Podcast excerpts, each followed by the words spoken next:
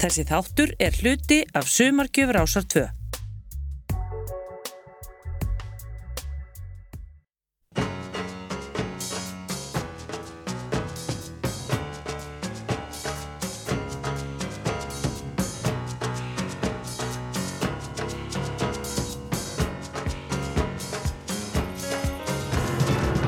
Komið þið sæl, ég heiti Skúli Helgason og næsta klukkutíman ætla ég að kynna fyrir ykkur blökkusöngvaran Stevie Wonder og tónlist hans síðustu 25 árin.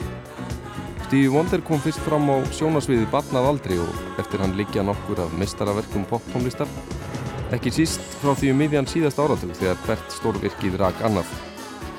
Hér á eftir munum við heyra nokkur þekktustu lög Wonders, skoðum feril hans í stuttumáli og njótum viðtalsbrota frá breska útarpinu við listamannin sjálfan og samstarfsmenn hans frá liðnum árum.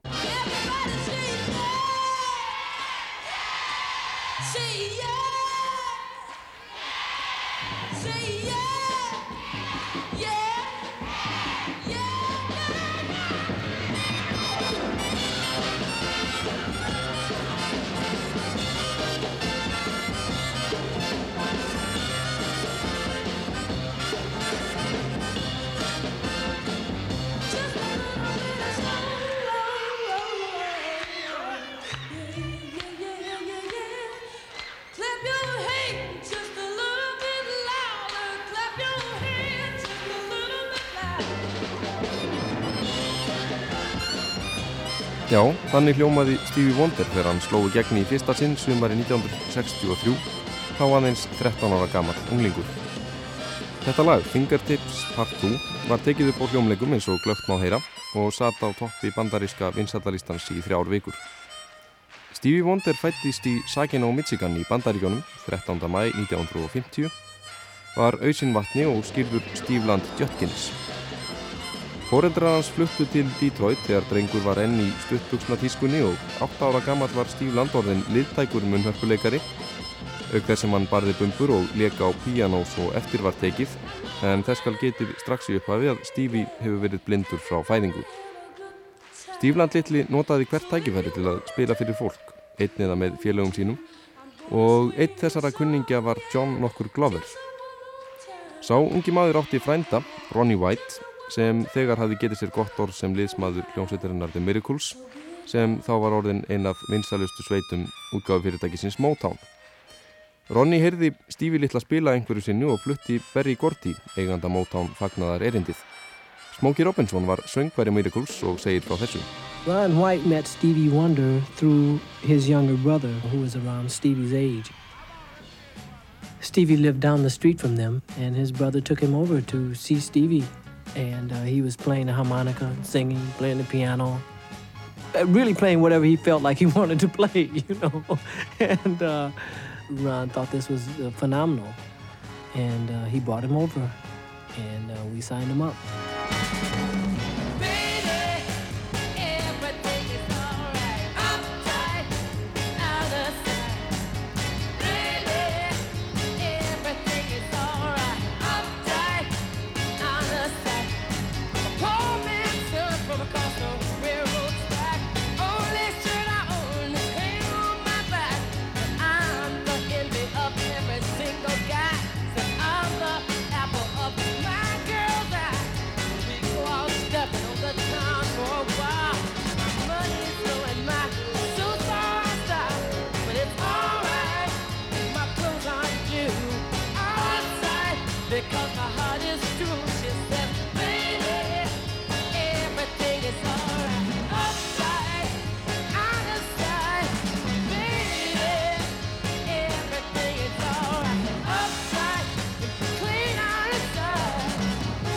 Uptight, annar smellur Stevie Wonder frá desember 1965.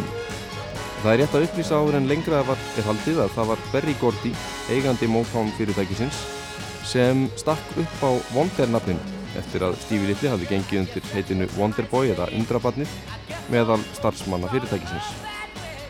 Fyrstu misserinn eftir að Stevie gerði samning við Motown fluttið hann að mestu slagara og lög annara listamanna en Uptight var fyrsta frumsamdalagan sem náði vinsaldum og upp frá því flutti unglingurinn að mestu eigin lagasmíðar. Plötur Stevie Wonder á fyrirluta 7. áratúverins eru margt sérstakar og bera vittni fjölhæfni listamannsins sem telur meðal áhrifavalda sinna svo ólíka menn sem Ray Charles, jazzistan Stan Getz og Rolling Stones. En Satisfaction lag Stones mun einmitt hafa verið vondir nokkur innblástur þegar hann samtir þetta lag upptætt sem við heyrðum hér áðan. Hinn ungi Stevie læði fljótt að koma sér áfram og lagahöfundurinn Ron Miller, samstarfmaður Wonders á þessum árum, minnist þess hvernig hinn ungi Stevie Wonder átt samstarfsmenn sína út á gattin með afspyrnu fínlegum hætti og allt á faglegum grundvelli. Stevie used to be given an allowance of $25 a week. And he was always into anything that had anything to do with anything he could hear. He wanted to buy tape recorders and microphones. And you can't do very much with $25 a week when it comes to that kind of stuff. So we'd be on the lawn at the old Hitsville building, and one of his people would be bringing him. He'd say, Who was on the lawn? And they'd say, Oh, Jim and Bill and Jack and Ron. And, oh, Ron's here. Stevie comes to me and says, Hey, Ron, uh, remember, you got any new songs? Remember you talked to me last week? I said, Yeah, I got a new song. He says, Well, let's walk down to the drugstore and talk about it. So we'd walk down to the drugstore. And, we, and I was making like $50 a week, right? And we'd get to the drugstore and he'd say, Oh, while we're here, let's go have a milkshake. So I'd say, sure. And I go in, he'd have a milkshake and three cheeseburgers and then another milkshake. I mean, the kid could eat like an elephant. And then we'd walk back to the studio, and we really didn't spend much time talking about the songs. And he'd say, Ron, who's on the lawn? I'd say, oh, there's Bill and Jim and Vicky and Jack. Oh, Vicky's here? And he'd say, uh, hey, Vicky, remember that song you were talking about last week? She said, yeah. I said, well, why don't we walk down to the drugstore and talk about it?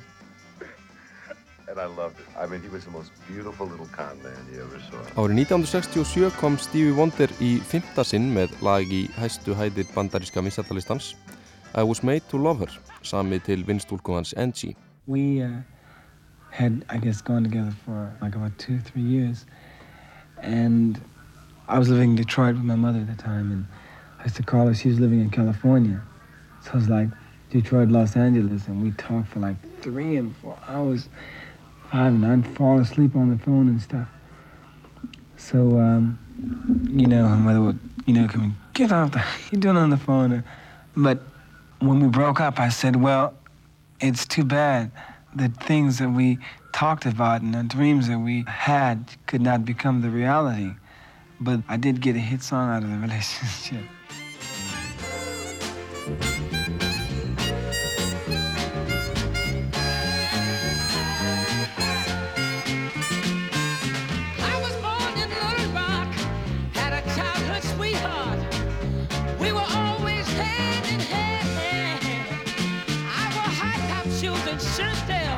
Susie was in pigtails. I knew I loved her even then. You know, my papa disapproved.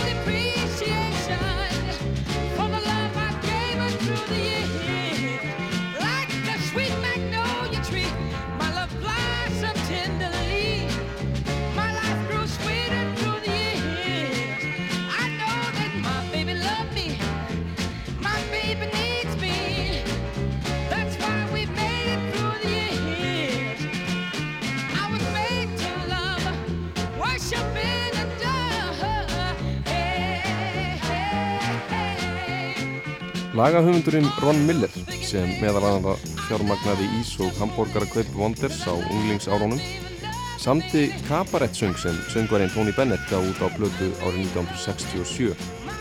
Wonder hafði gaman að þessu lægi en vildi gera af því gáskafulla gleði útgáfu og Miller var fengið til að stjórna upptökum. En það var eitt vandamál. Stevie Wonder kunni ekki textan og blinda hans kom í verð fyrir að hann geti lesið hann því blindra letur var ekki við hendina á þessum árum. Nú voru góður á dýr því Stevie hafði engan tíma til að læra textan utan bókar, tímabundin maðurinn. Ron Miller segir okkur hvernig þeir leistu málið með því að nota svipaða aðferð og kennarar hafa beitt í réttritun og æfingu.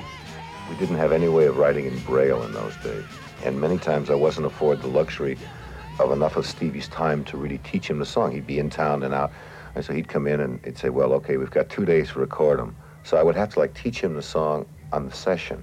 I'd have a microphone in the studio which would be going into his earphone, and I would have to sing the song a line ahead of time.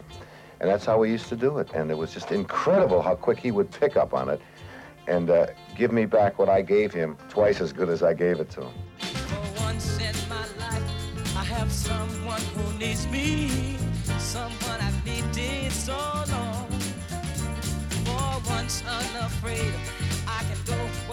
leads me.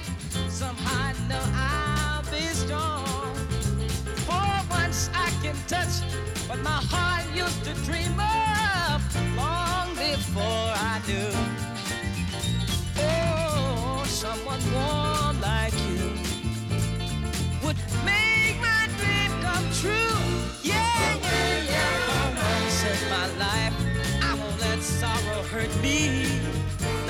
It's hurt me before. For once, I have something I know won't desert me. I'm not alone anymore.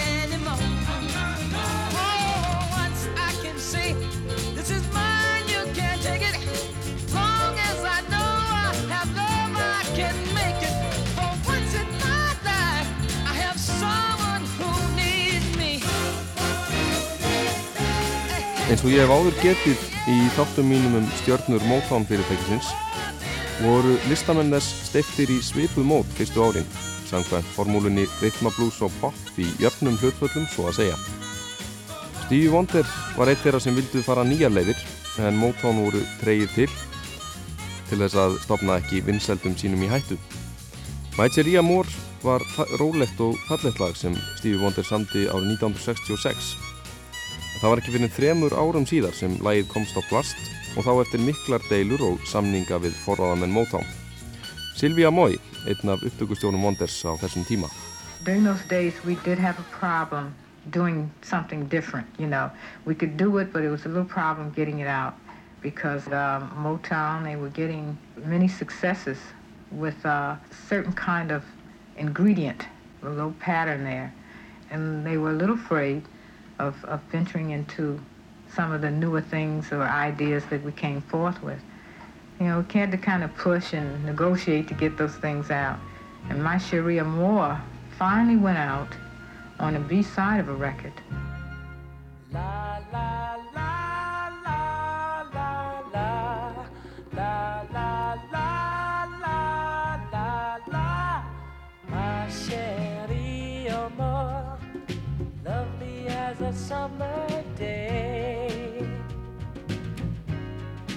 my shit.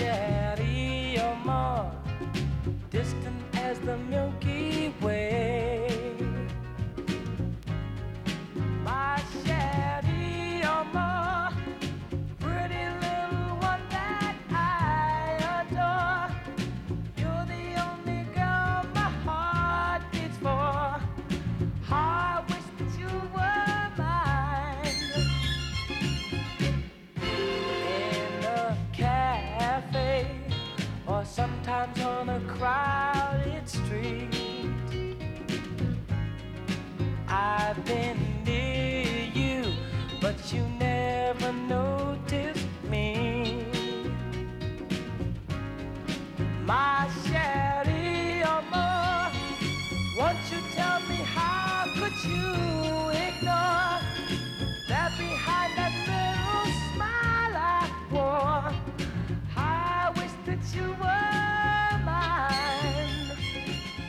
Seria Moore, lag sem uppálega kom út á baklið smáskifunar I Don't Know Why í februar mánuði 1969. Engin mann og eftir síðan nefnda læginu en Seria Moore þaut upp vinsallaristana nokkur mánuðum síðar og er eitt af vinsalustu lögum Wonders frá 7. áratugnum. Stevie Wonder barðist fyrir því á þessum tíma að listamenn Motown fengju aukið frelsi til að ráða verkum sínum og framsetningu þeirra og árið 1970 stjórnaði hann sjálfur upptökum á blötu sinni Signed, Sealed and Delivered sem í kjölfarið var valinn besta sólplata ásins í bandaríkjónum. Tekstan samt í söngkunan Sarita Wright en tveimur mánuðum eftir útkomu þess gengu Stevie og Sarita í hjónaband. Steve and I grew closer and closer through our friendship and our love, I eventually shared some of my works with him. And he liked it and he said, Oh, yeah, well, why don't you help write on the tune um, It's a Shame for the Spinners? So It's a Shame came out all, all right. And then we did um, Sealed, Delivered. And after that sold 2 million copies, then I really, I must say, gained a lot of confidence in myself. Like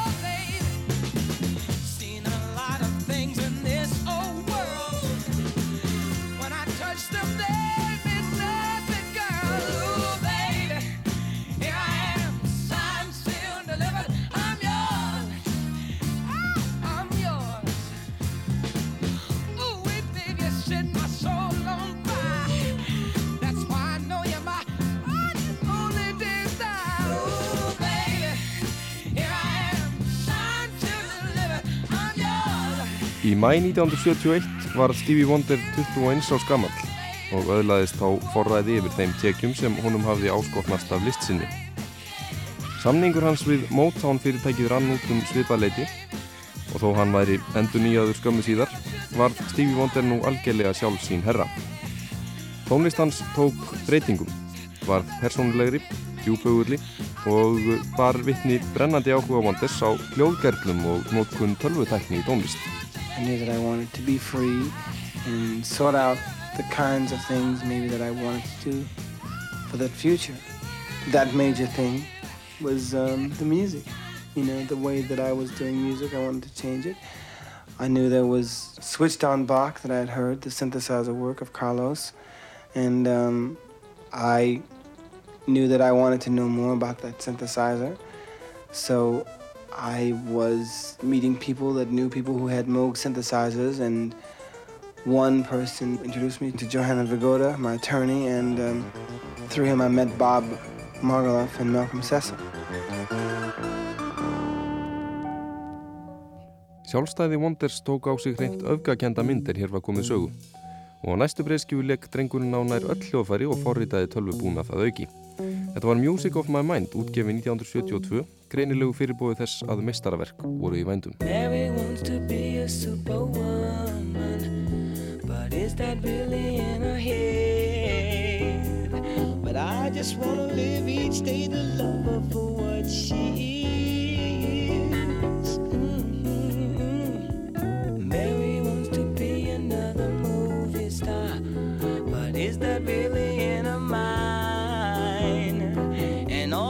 She wants to be, she needs to leave behind. But very well, I believe I know you very well. Wish that you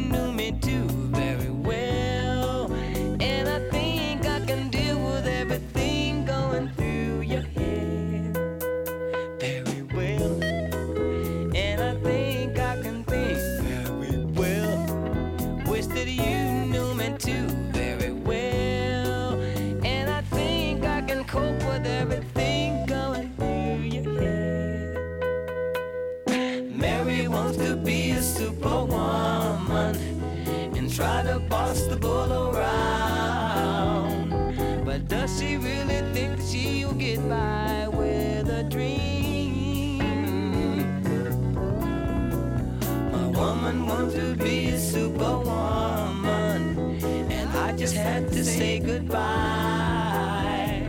Because I can't spend all my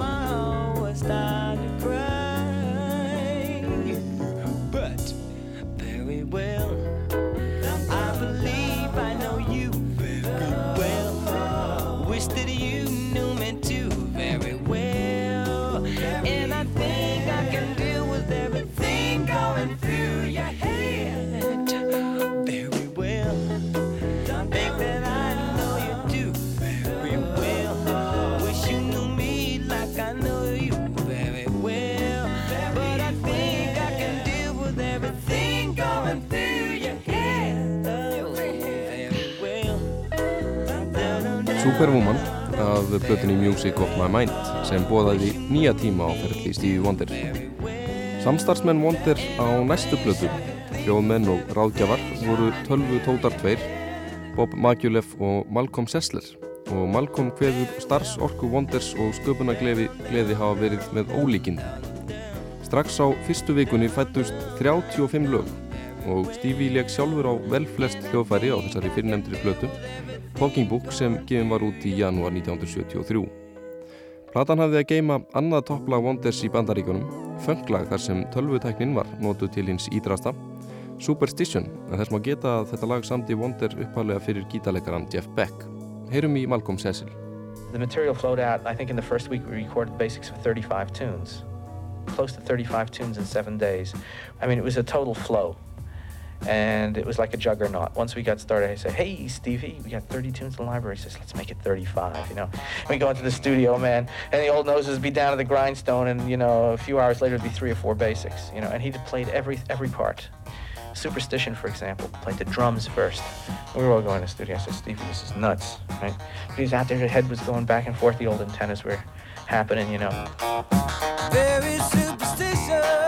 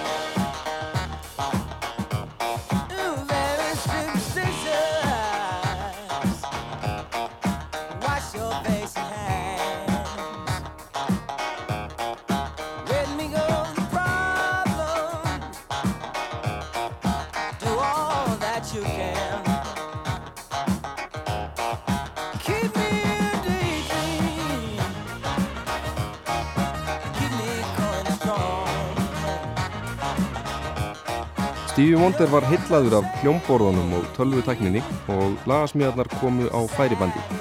Heil 17 lög urðu til við blötu upptökur í London á einu og sama kvöldinu og þurfti næstum að draga Wonder út úr hljóðverðinu í morgunsárið því George Martin, býtla upptökumadur, þurfti að koma stað.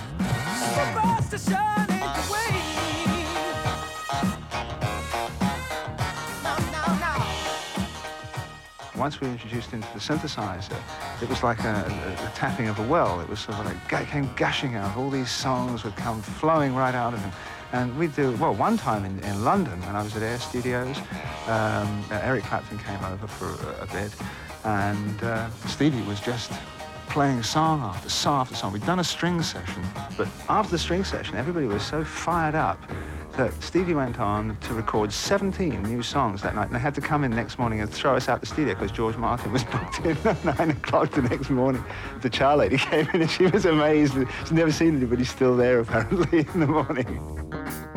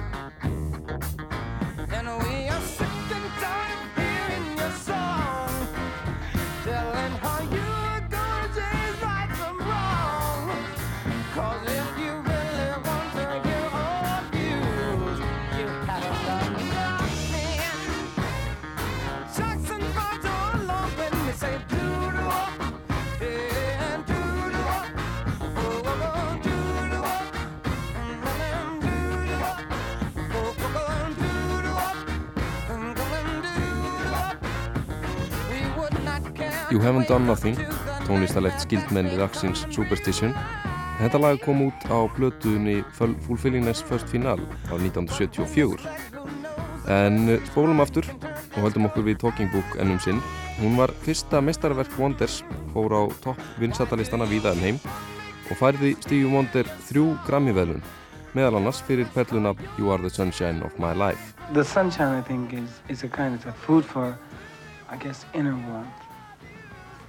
It is the light of this earth. It is a star, and it's the one thing that smiles all the time is the sun.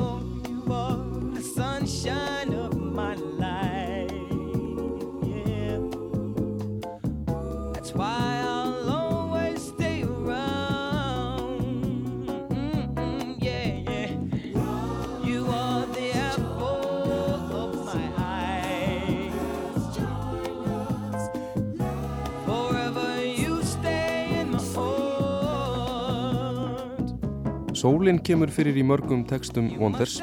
Hún er tákn innri hlýju, lífgjafi jarðarinnar og stjarnar sem einn skínað eilífu, segir Stevie Wonder um þetta eftirlætis viðfangsefni sitt. Það dró ský fyrir sólu skammu eftir útkomu næstu blötu Stevie Wonders því 7. ágúst 1973 lendi hann í alvarlegu bílslisi og lág meðutundalauðs í fjóra daga. Wonder slapp þó lifandi en til þess var tekið að eitt lag á umrættari blötu hans, Inner Visions, fjallar um bersinduan mann sem fær annað líf og tækifæri til að bæta ráðsitt. Ekki það að Stevie Wonder hafi sjálfur verið syndaselur, en óneitanlega hljómaði Higher Ground eins og ég frétt sumarið 73.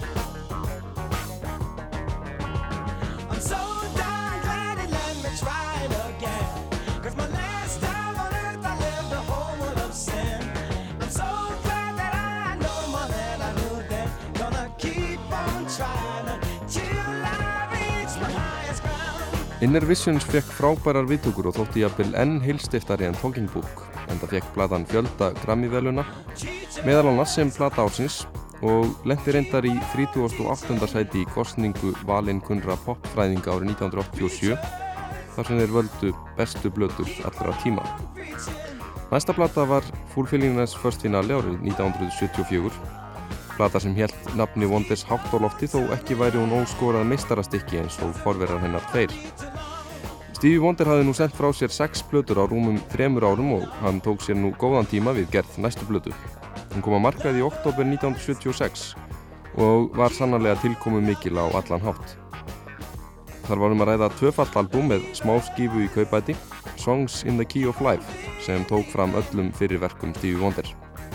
Læða I Wish var fyrst til að þeisa upp vinsætalistan og náði toppsætinu Vestanhafs. En í þessu lægi rifjar Stevie Wonder upp æsku og unglingsárin þegar nóttinn pældi unga drengi til fylgilags. With the song like I Wish, I wanted to write a song about the experiences that I had when I was little, just the different things that happened, you know, um, sneaking out the back door to hang out with those hoodlum friends of mine. Mind you, I was a hoodlum too, you know, but uh, in being greeted at the back door with, you know, mother or father saying, you know, thought I told you not to go outside. I mean, I wonder how, how do kids in England like relate to that?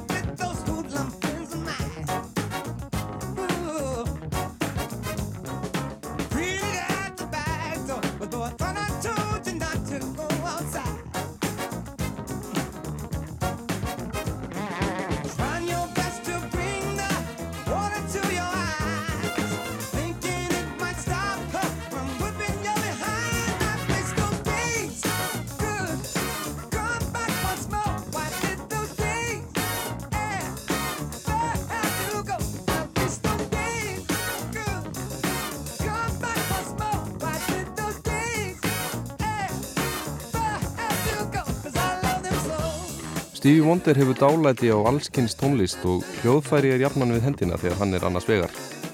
Maðurinn á enda í mestu erfileikum með að sitja af sér heilt viðtal á þess að grýpa í hljóðfæri.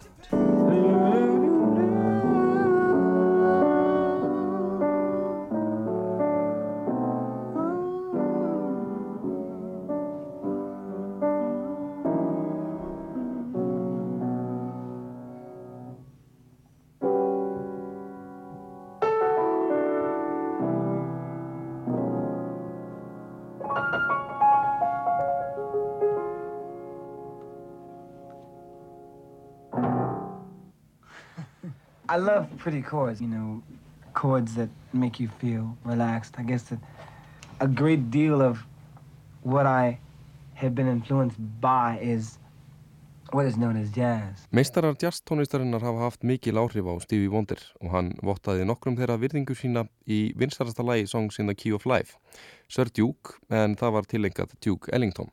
Well, Sir Duke is about Duke Ellington, but it's relating to the many musicians that have contributed so much to the world of music, to the art of um, big bands and singers such as Ella Fitzgerald. And we could name many, many people as we only named a few, but there cannot be a particular time that we just let go by without thanking the many people that have contributed so much to our success.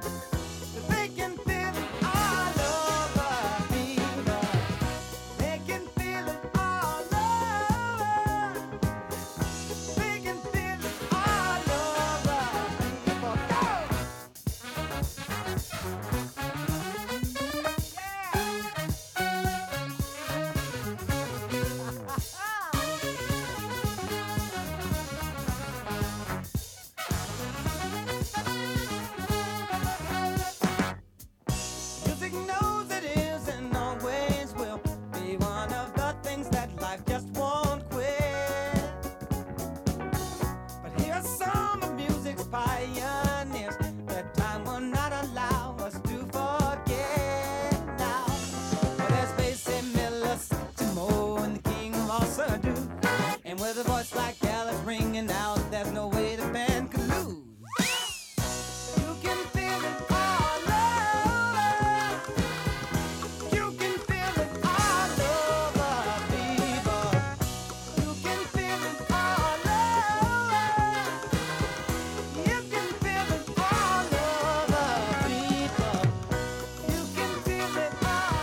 Sir Duke, sjötta topplag Stevie Wonders í Bandaríkjunum en fáir listamenn nutu nú meiri vinsalda þegar hér var komið en Stevie Wonder.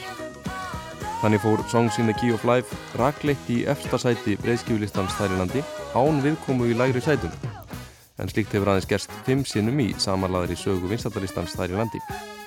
Stevie Wonder hveður list sína ætið hafa verið honum tómstundar gaman fyrst og fremst.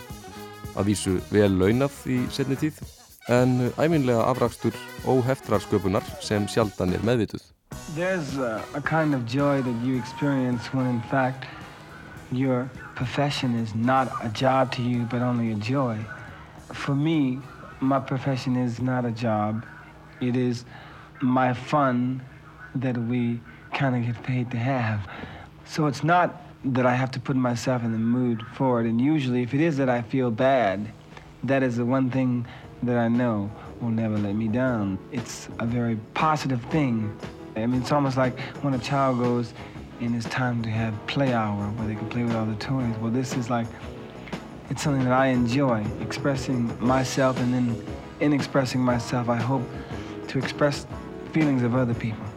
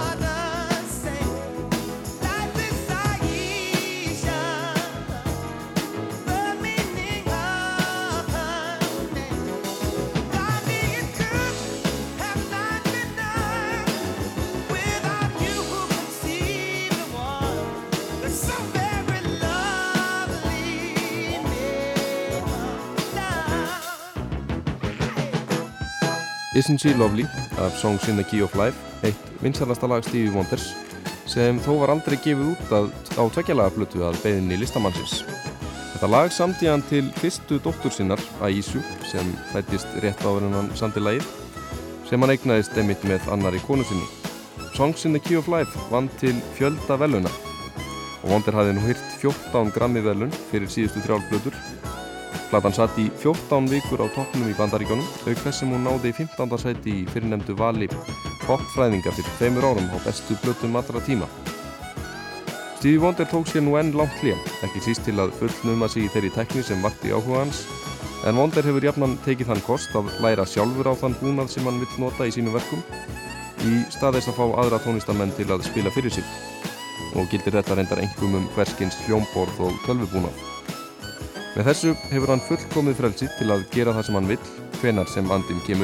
There's always this time where I want to know more about what is out there, what is happening, what this is, what this instrument is, how to do this. And maybe the difference now is too, I want to know how to do it myself. I want to know how to program the PPG. I want to be able to have the voice of a computer speak to me to let me know where the cursor is and do it all myself because number one, I don't want to waste anyone else's time and I want to feel free to do it whenever I feel like doing it. Because, you know, you just don't know when you're going to come up with something that is either the plus that Motown has with having me or the minus, you know. I'm not the kind of person that will say, okay, I'll crank y'all this here and I'll crank y'all that there. I'll have to take the time and when it feels right, when I feel comfortable. It isn't the best thing for me, but it is the way that I am, the way that it is, the way that God has made my person be. Stevie Wonder sneri loks aftur í áslokk 1979 með annað tvöfallalbum sem hafði að geima tónlistans við heimildakvikmynd um tilfinningalíf plantna, Journey Through the Secret Life of Plants. Platan fekk misjafna viðtökur en hafði að geima aðteiklisverða tilraunir og ángur væri lög. Þar að meða lag sem að náði fjórðarsætti vinsættalistans í Bandaríkjónum árið 1979. Þetta var lagið Send One Your Love.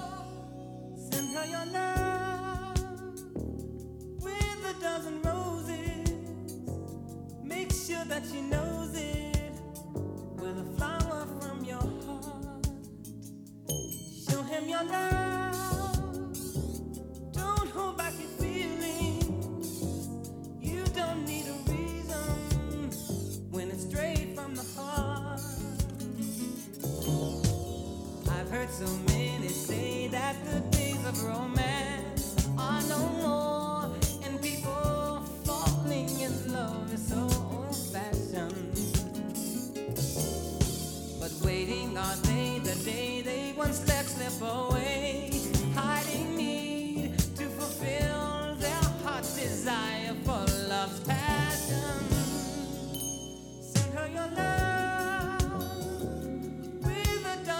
Journey Through the Secret Life of Plants naut ekki sömu hilli og fyrir verk Wonders en Stevie var staðræðin í að endurheimta fyrir vinsældir og hóf strax gerð næstu blödu sem kom á markað í oktober 1980. Hún hétt Hotter Than July og hafði meðal hann að geima lagið Master Blaster Jamin tilengað reggae-kongnum frá Jamaica Bob Marley.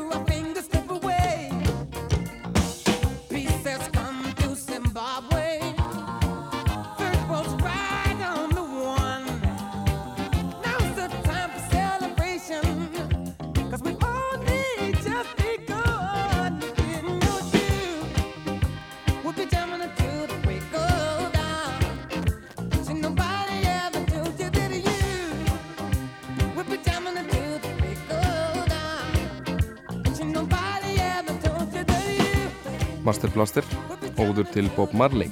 En Hotter Than July hafði að geima annar lag til engað merkumanni og þar varum að ræða innleg Stevie Wonders í baráttu blökkumanna og annara hóparendar fyrir því að fæðingadagur Martins Luther King erði löggiltur hátíðistagur í bandaríkjónum. I like to feel my involvement was really rekindling the fire that was kind of burning out for that desire. Many people had been celebrating this as an unofficial national holiday for years but had been turned down many times as far as being a legal national holiday. Finally, I just felt that there were too many people of all different cultures and colors that wanted to see this become a national holiday. For it to not happen.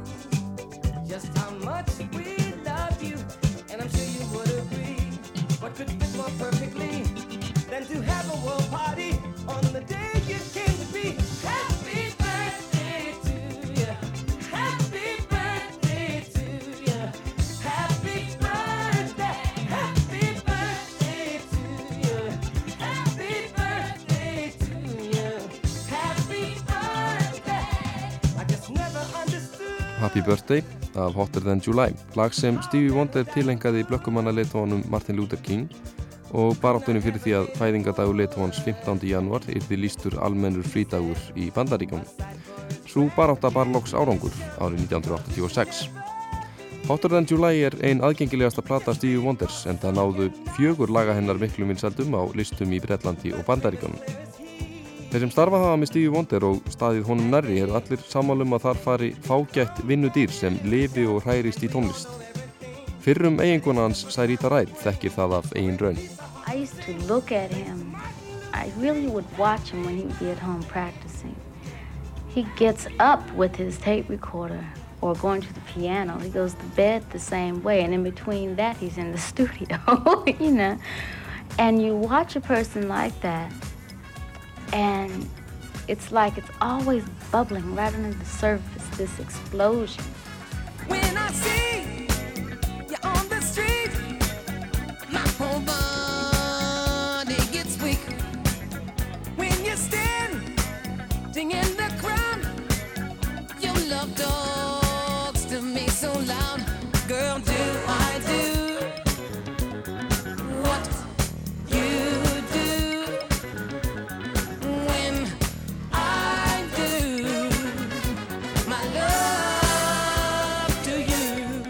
Do I Do, lag af saplutinni The Original Musicarium sem kom út árið 1982.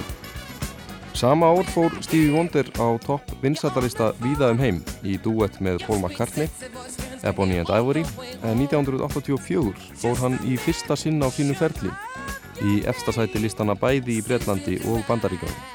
Ótrúlegt en satt, því umrætt lag var fráleitt í hópi hans bestu og reyndar einhver einfaldasta lagasmíð sem hann hefur nokkuð tíman samið. Þetta var í raun lag frá 1975 sem Wonder hafði hent út í hopn og talið of gammaldags. Þegar hann var hins vegar beðin um að semja lög fyrir gamanmyndina Woman in Red á fyrirluta nýjönda áratúarins tók hann þetta lag hins vegar fram, fínbúsaði og leta af hendi með fyrirgreindum afleðingum. I Wish, and also I just called to say I love you. I wrote the basic music and melody. It was uh, it was very very um, difficult for a long time to even think of finishing a song because I said, well, it sounds too old-fashioned. But then when I saw the film, The Woman in Red, I thought, well, you know, that might really fit just from the subject matter of the story. No New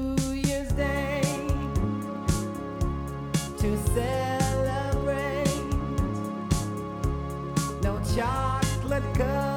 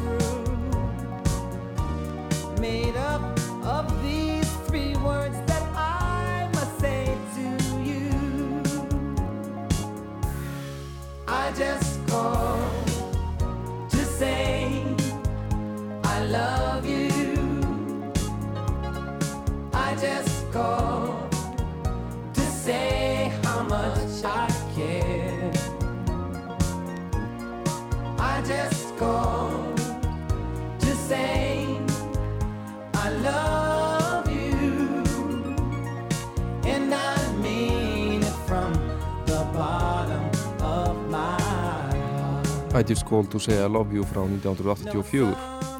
Illkvittnir menn spyrja sjálfan sig eftir vill hvernig standi á því að hinn blindi Stevie Wonder sé að semja tónlist fyrir kvikmyndir. En slíka menn slær vinurinn kalda með því að vísa til þess að sér hver saga verður til á hugmyndaflugi og þar er Stevie Wonder sannlega fyrirtags flugstjóri. Reyndar munu bíóferðir vera eitt helsta tómstundagaman Wonders.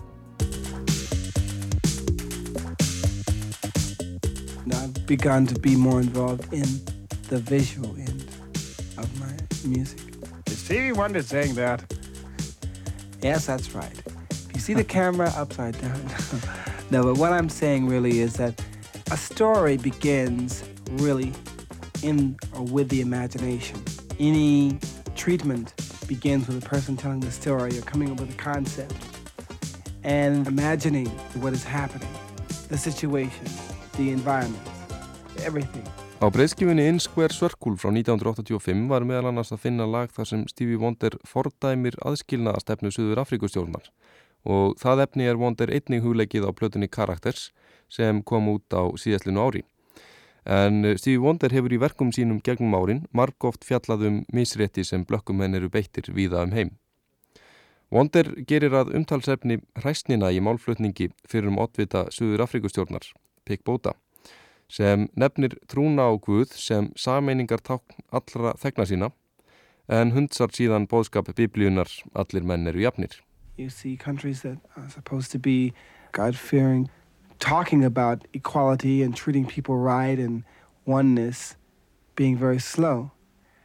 And you talk about the country in which the actual horrible concept of government apartheid exists, uh, that again speaks on um, religious values. I remember I saw Bortha on TV uh, on, in LA, and he was saying uh, something like, um, "So tell you one thing that we have in common.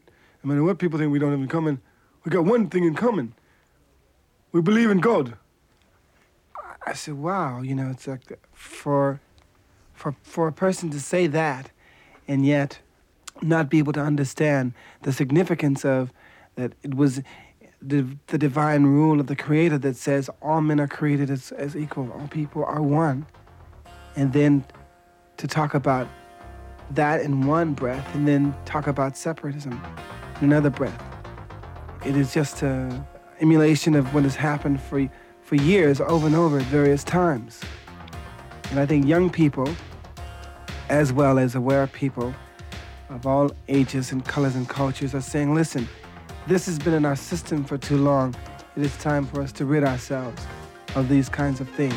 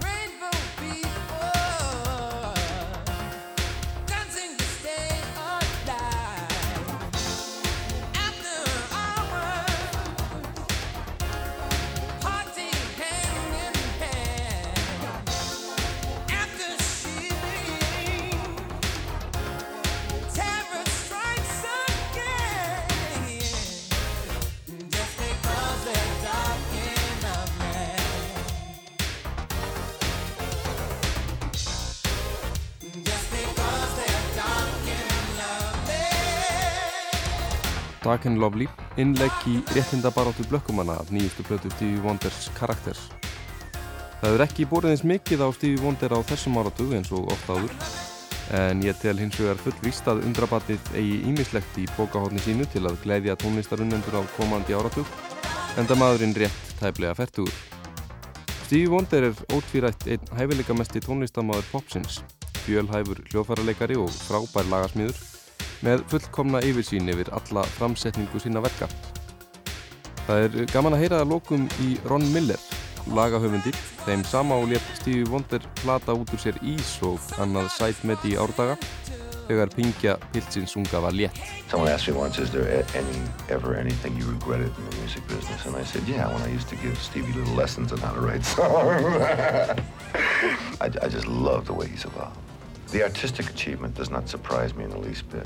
The success of it surprises me because uh, it's like you always say, well, it's too good to be true. And, you know, you, you don't really expect someone who is capable of evolving that high to really, one, evolve that high. You expect personal things to sort of screw it up along the way. And if they do evolve that high, you don't really expect to get enough breaks to have the world recognize it. It's a thrill to be, to have been a part of it and to sit and look at it now and just, and, and watch it. I think it's wonderful. Ron Miller segir listræn afreg Stevie Wonders ekki koma sér óvart, slíkur hæfileika maður sem hann er. En hitt veiku aðtikli hans hver lengi hann hefur haldið vinsældum sínum án þess að persónuleg vandamál hafi þar sett stryk í reikning eins og svo oft þegar popparar í sviðsljósinu eru annars vegar. Við höfum hér hlaupið geist yfir feril Stevie Wonder, fleitt rjóman af grósku miklum verkum sem hafa margt fleira til brunns að bera. Um leið og ég þakk ykkur áhyrn skulum við heyra eitt gullkorn af blötunni Inner Visions, læðir He's Mistra Know It All. He's a man with a plan, got a counterfeit dollar in his hand. He's Mr. Know It All, playing hard, talking fast, making sure that he won't be the last.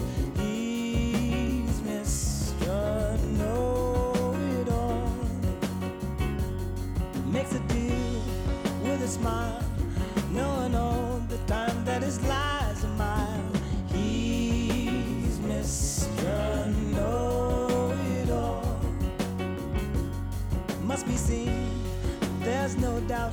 He's the coolest one with the biggest smile.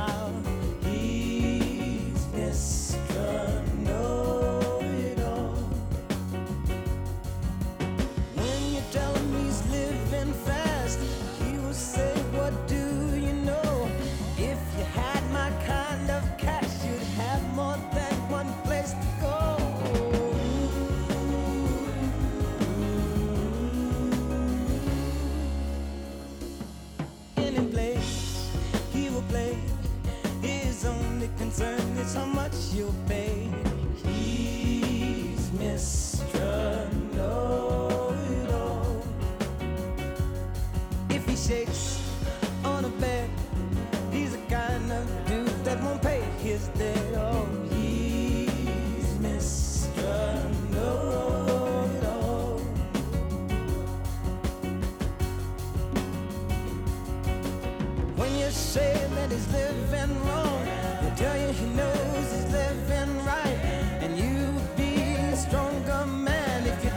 you